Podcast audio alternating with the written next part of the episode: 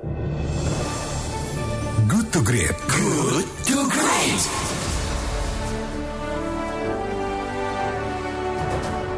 Terima kasih Anda masih bersama kami di sesi diskusi K-Light FM dan kita masih membahas tema tentang atau membincangkan ya tema tentang bagaimana mestinya negara menempatkan posisi kritik publik ketika demokrasi menjadi sistem bernegara. Tentu saja kami akan mengajak Anda berdiskusi dengan narasumber kita berikutnya yaitu Dr. Gun Gun Herianto. Beliau adalah Direktur Eksekutif The Political Literacy Institute dan juga dosen komunikasi politik dari UIN Jakarta. Saat ini masih berusaha untuk dihubungi uh, beliau dan seperti sudah terhubung kita akan berbincang-bincang dengan Dr. Gun Gun Herianto.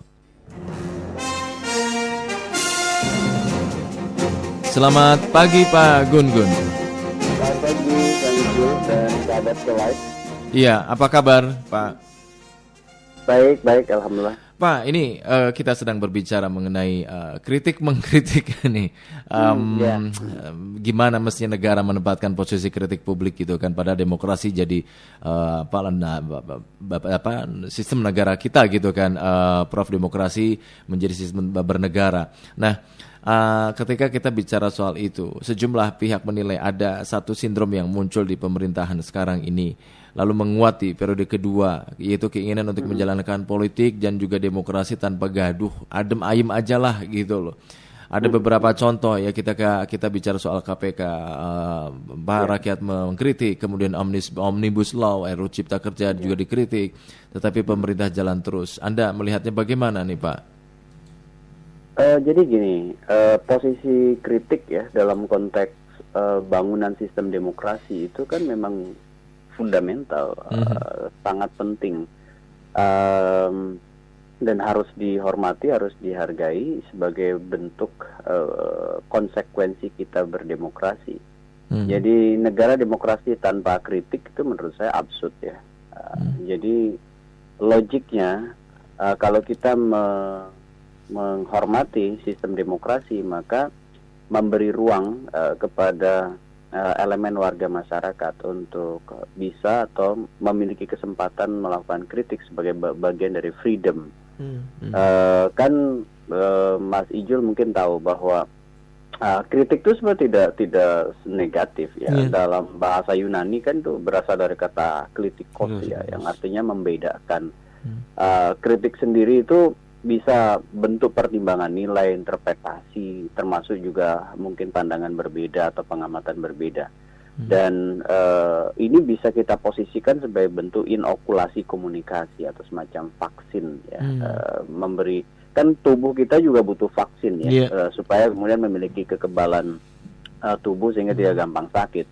Negara, penyelenggara negara itu juga butuh namanya hmm. vaksin kekebalan mental, inokulasi komunikasi supaya apa? Uh, tidak absolut, tidak kemudian semena-mena, tidak kemudian apa namanya berjalan ke arah yang tidak tepat. Hmm. Sehingga uh, di situ dibutuhkan yang disebut dengan dialektika dan dialektika itu pasti kan selain ada tesis, ada antitesis, gitu. ada yeah. pendapat, ada pandangan berbeda, ada wacana yang mungkin menjadi kontra uh, wacana atau kontra narasi. Hmm. Uh, dan itu lumrah. Contoh misalnya, saya kasih contoh aja satu. Yeah. Misalnya omnibus law gitu ya. Hmm. Ini kan bukan pekerjaan ringan. Yeah. Iya. Uh, mulai dari proses penyusunan, kemudian pembahasan sampai nanti kemudian mungkin di uh, ambil sebagai sebuah kebijakan publik yang kemudian punya konsekuensi ke halayak luas. Itu kan proses yang menurut saya jangan kemudian terlepas dari uh, uh, dari kritik yang muncul dari masyarakat. Uh, karena kalau kemudian masyarakat melakukan kritik, itu artinya uh, masyarakat terlibat atau berpartisipasi dalam proses, gitu ya. Hmm. Uh, kalau saya memaknai demokrasi itu tidak mungkin tanpa kegaduhan, karena uh, apa namanya? Uh, sebagai bagian dari konsekuensi berdemokrasi, uh, kan ada istilah noisy demokrasi gitu ya. Yeah. Demokrasi itu memang akan memantik uh, per uh, rivalitas, uh, perbedaan pandangan termasuk konflik, misalnya dalam konteks kontestasi elektoral. yang mungkin keliru adalah memahami uh, apa namanya uh, kritik itu sebagai ekspresi yang uh, sebebas-bebasnya karena gini um, kritik itu kan uh, tentu punya tanggung jawab moral etik untuk menyampaikan suatu pandangan yang berbeda tetapi dengan hmm. landasan argumentasi narasi yang kemudian apa namanya diverifikasi dengan uh, dengan uh, basis atau sumber-sumber yang kemudian bisa dipertanggungjawabkan. Yang keliru adalah ketika misalnya melakukan kritik dengan hoax atau hmm. misalnya uh, dengan uh, fitnah atau rumor gosip yang tidak bisa dipertanggungjawabkan. Hmm. Selama misalnya mengkritik kebijakan, mengkritik uh, program gagasan pemerintah, itu kan dengan landasan-landasan uh, logical thinking yang uh, bagus, yang hmm. memadai, hmm. menurut saya justru negara harusnya bangga karena berarti ada yeah. Partisipasi warga negara di situ yang uh, semakin membaik begitu sebagai bentuk dari civil liberties hmm. dan itu dalam konteks pengukuran indeks demokrasi itu selalu menjadi bagian penting. Tapi sepertinya apakah pemerintah melihat kritik ini sebagai sebuah uh, hantaman dari uh, pihak tertentu sehingga kritik dibungkam gitu? uh, Pak Gun Gun?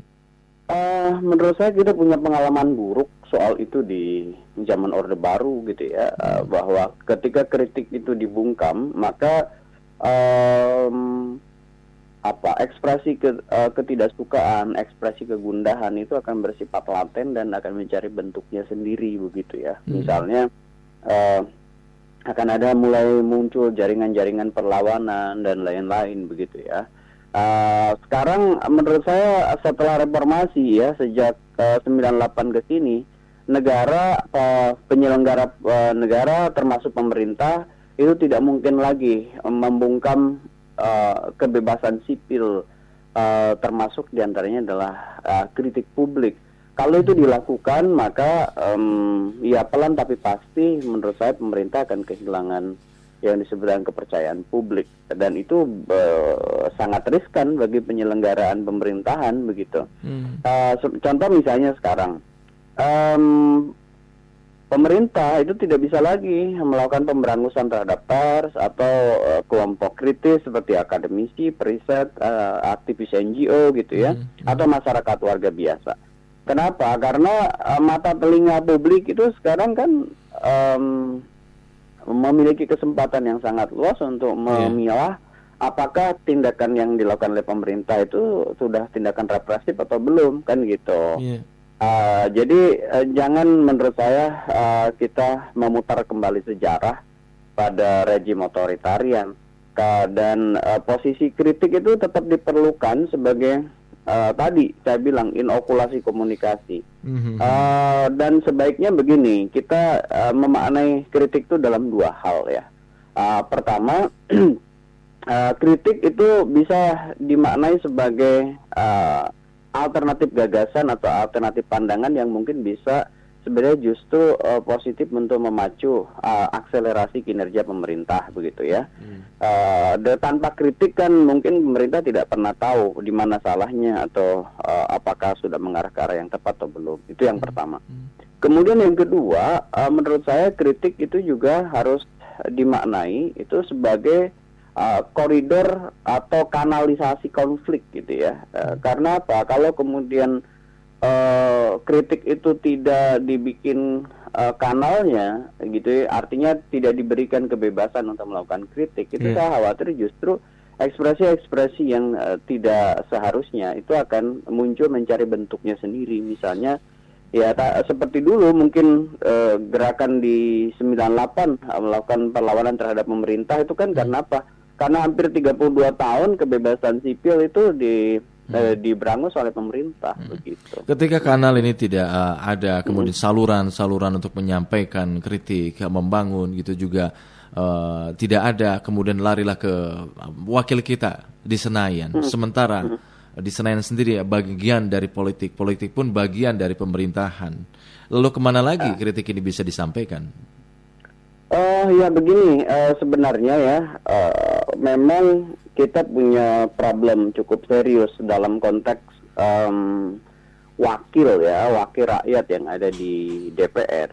Hmm. Uh, karena sebenarnya gini, logiknya anggota DPR itu itu kan merepresentasikan basis suara konstituen gitu ya, yeah. bukan semata-mata basis suara partai. Hmm.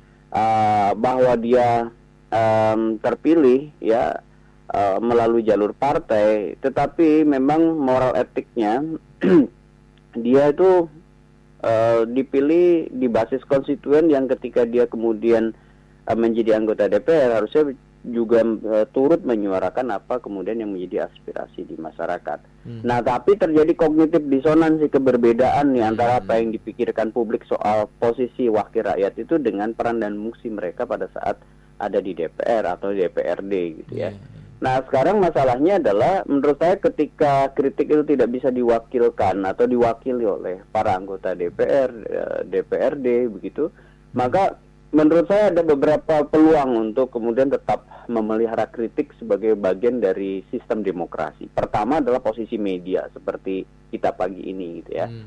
Menurut saya media tentu bisa menjadi kanal yang sangat baik untuk melakukan kritik dan mm, meskipun uh, sekarang pasar media oligopolistik, tapi menurut saya masih tersedia ruang seperti pagi inilah kesempatan untuk berdialektika melakukan bahwa negara tidak boleh uh, uh, masif dan eksesif melakukan misalnya apa namanya upaya pembungkaman terhadap kritik publik. Nah, ini kan dialog yang sangat bagus seperti yang dilakukan oleh Kang Ijul dan kawan-kawan pagi ini. Hmm. Yang kedua selain media tentu adalah non government organization atau NGO, NGO. atau LSM jadi itu menurut saya adalah uh, bagian juga dari um, aktif, aktivitas yang sebenarnya bisa memelihara kanal kritik.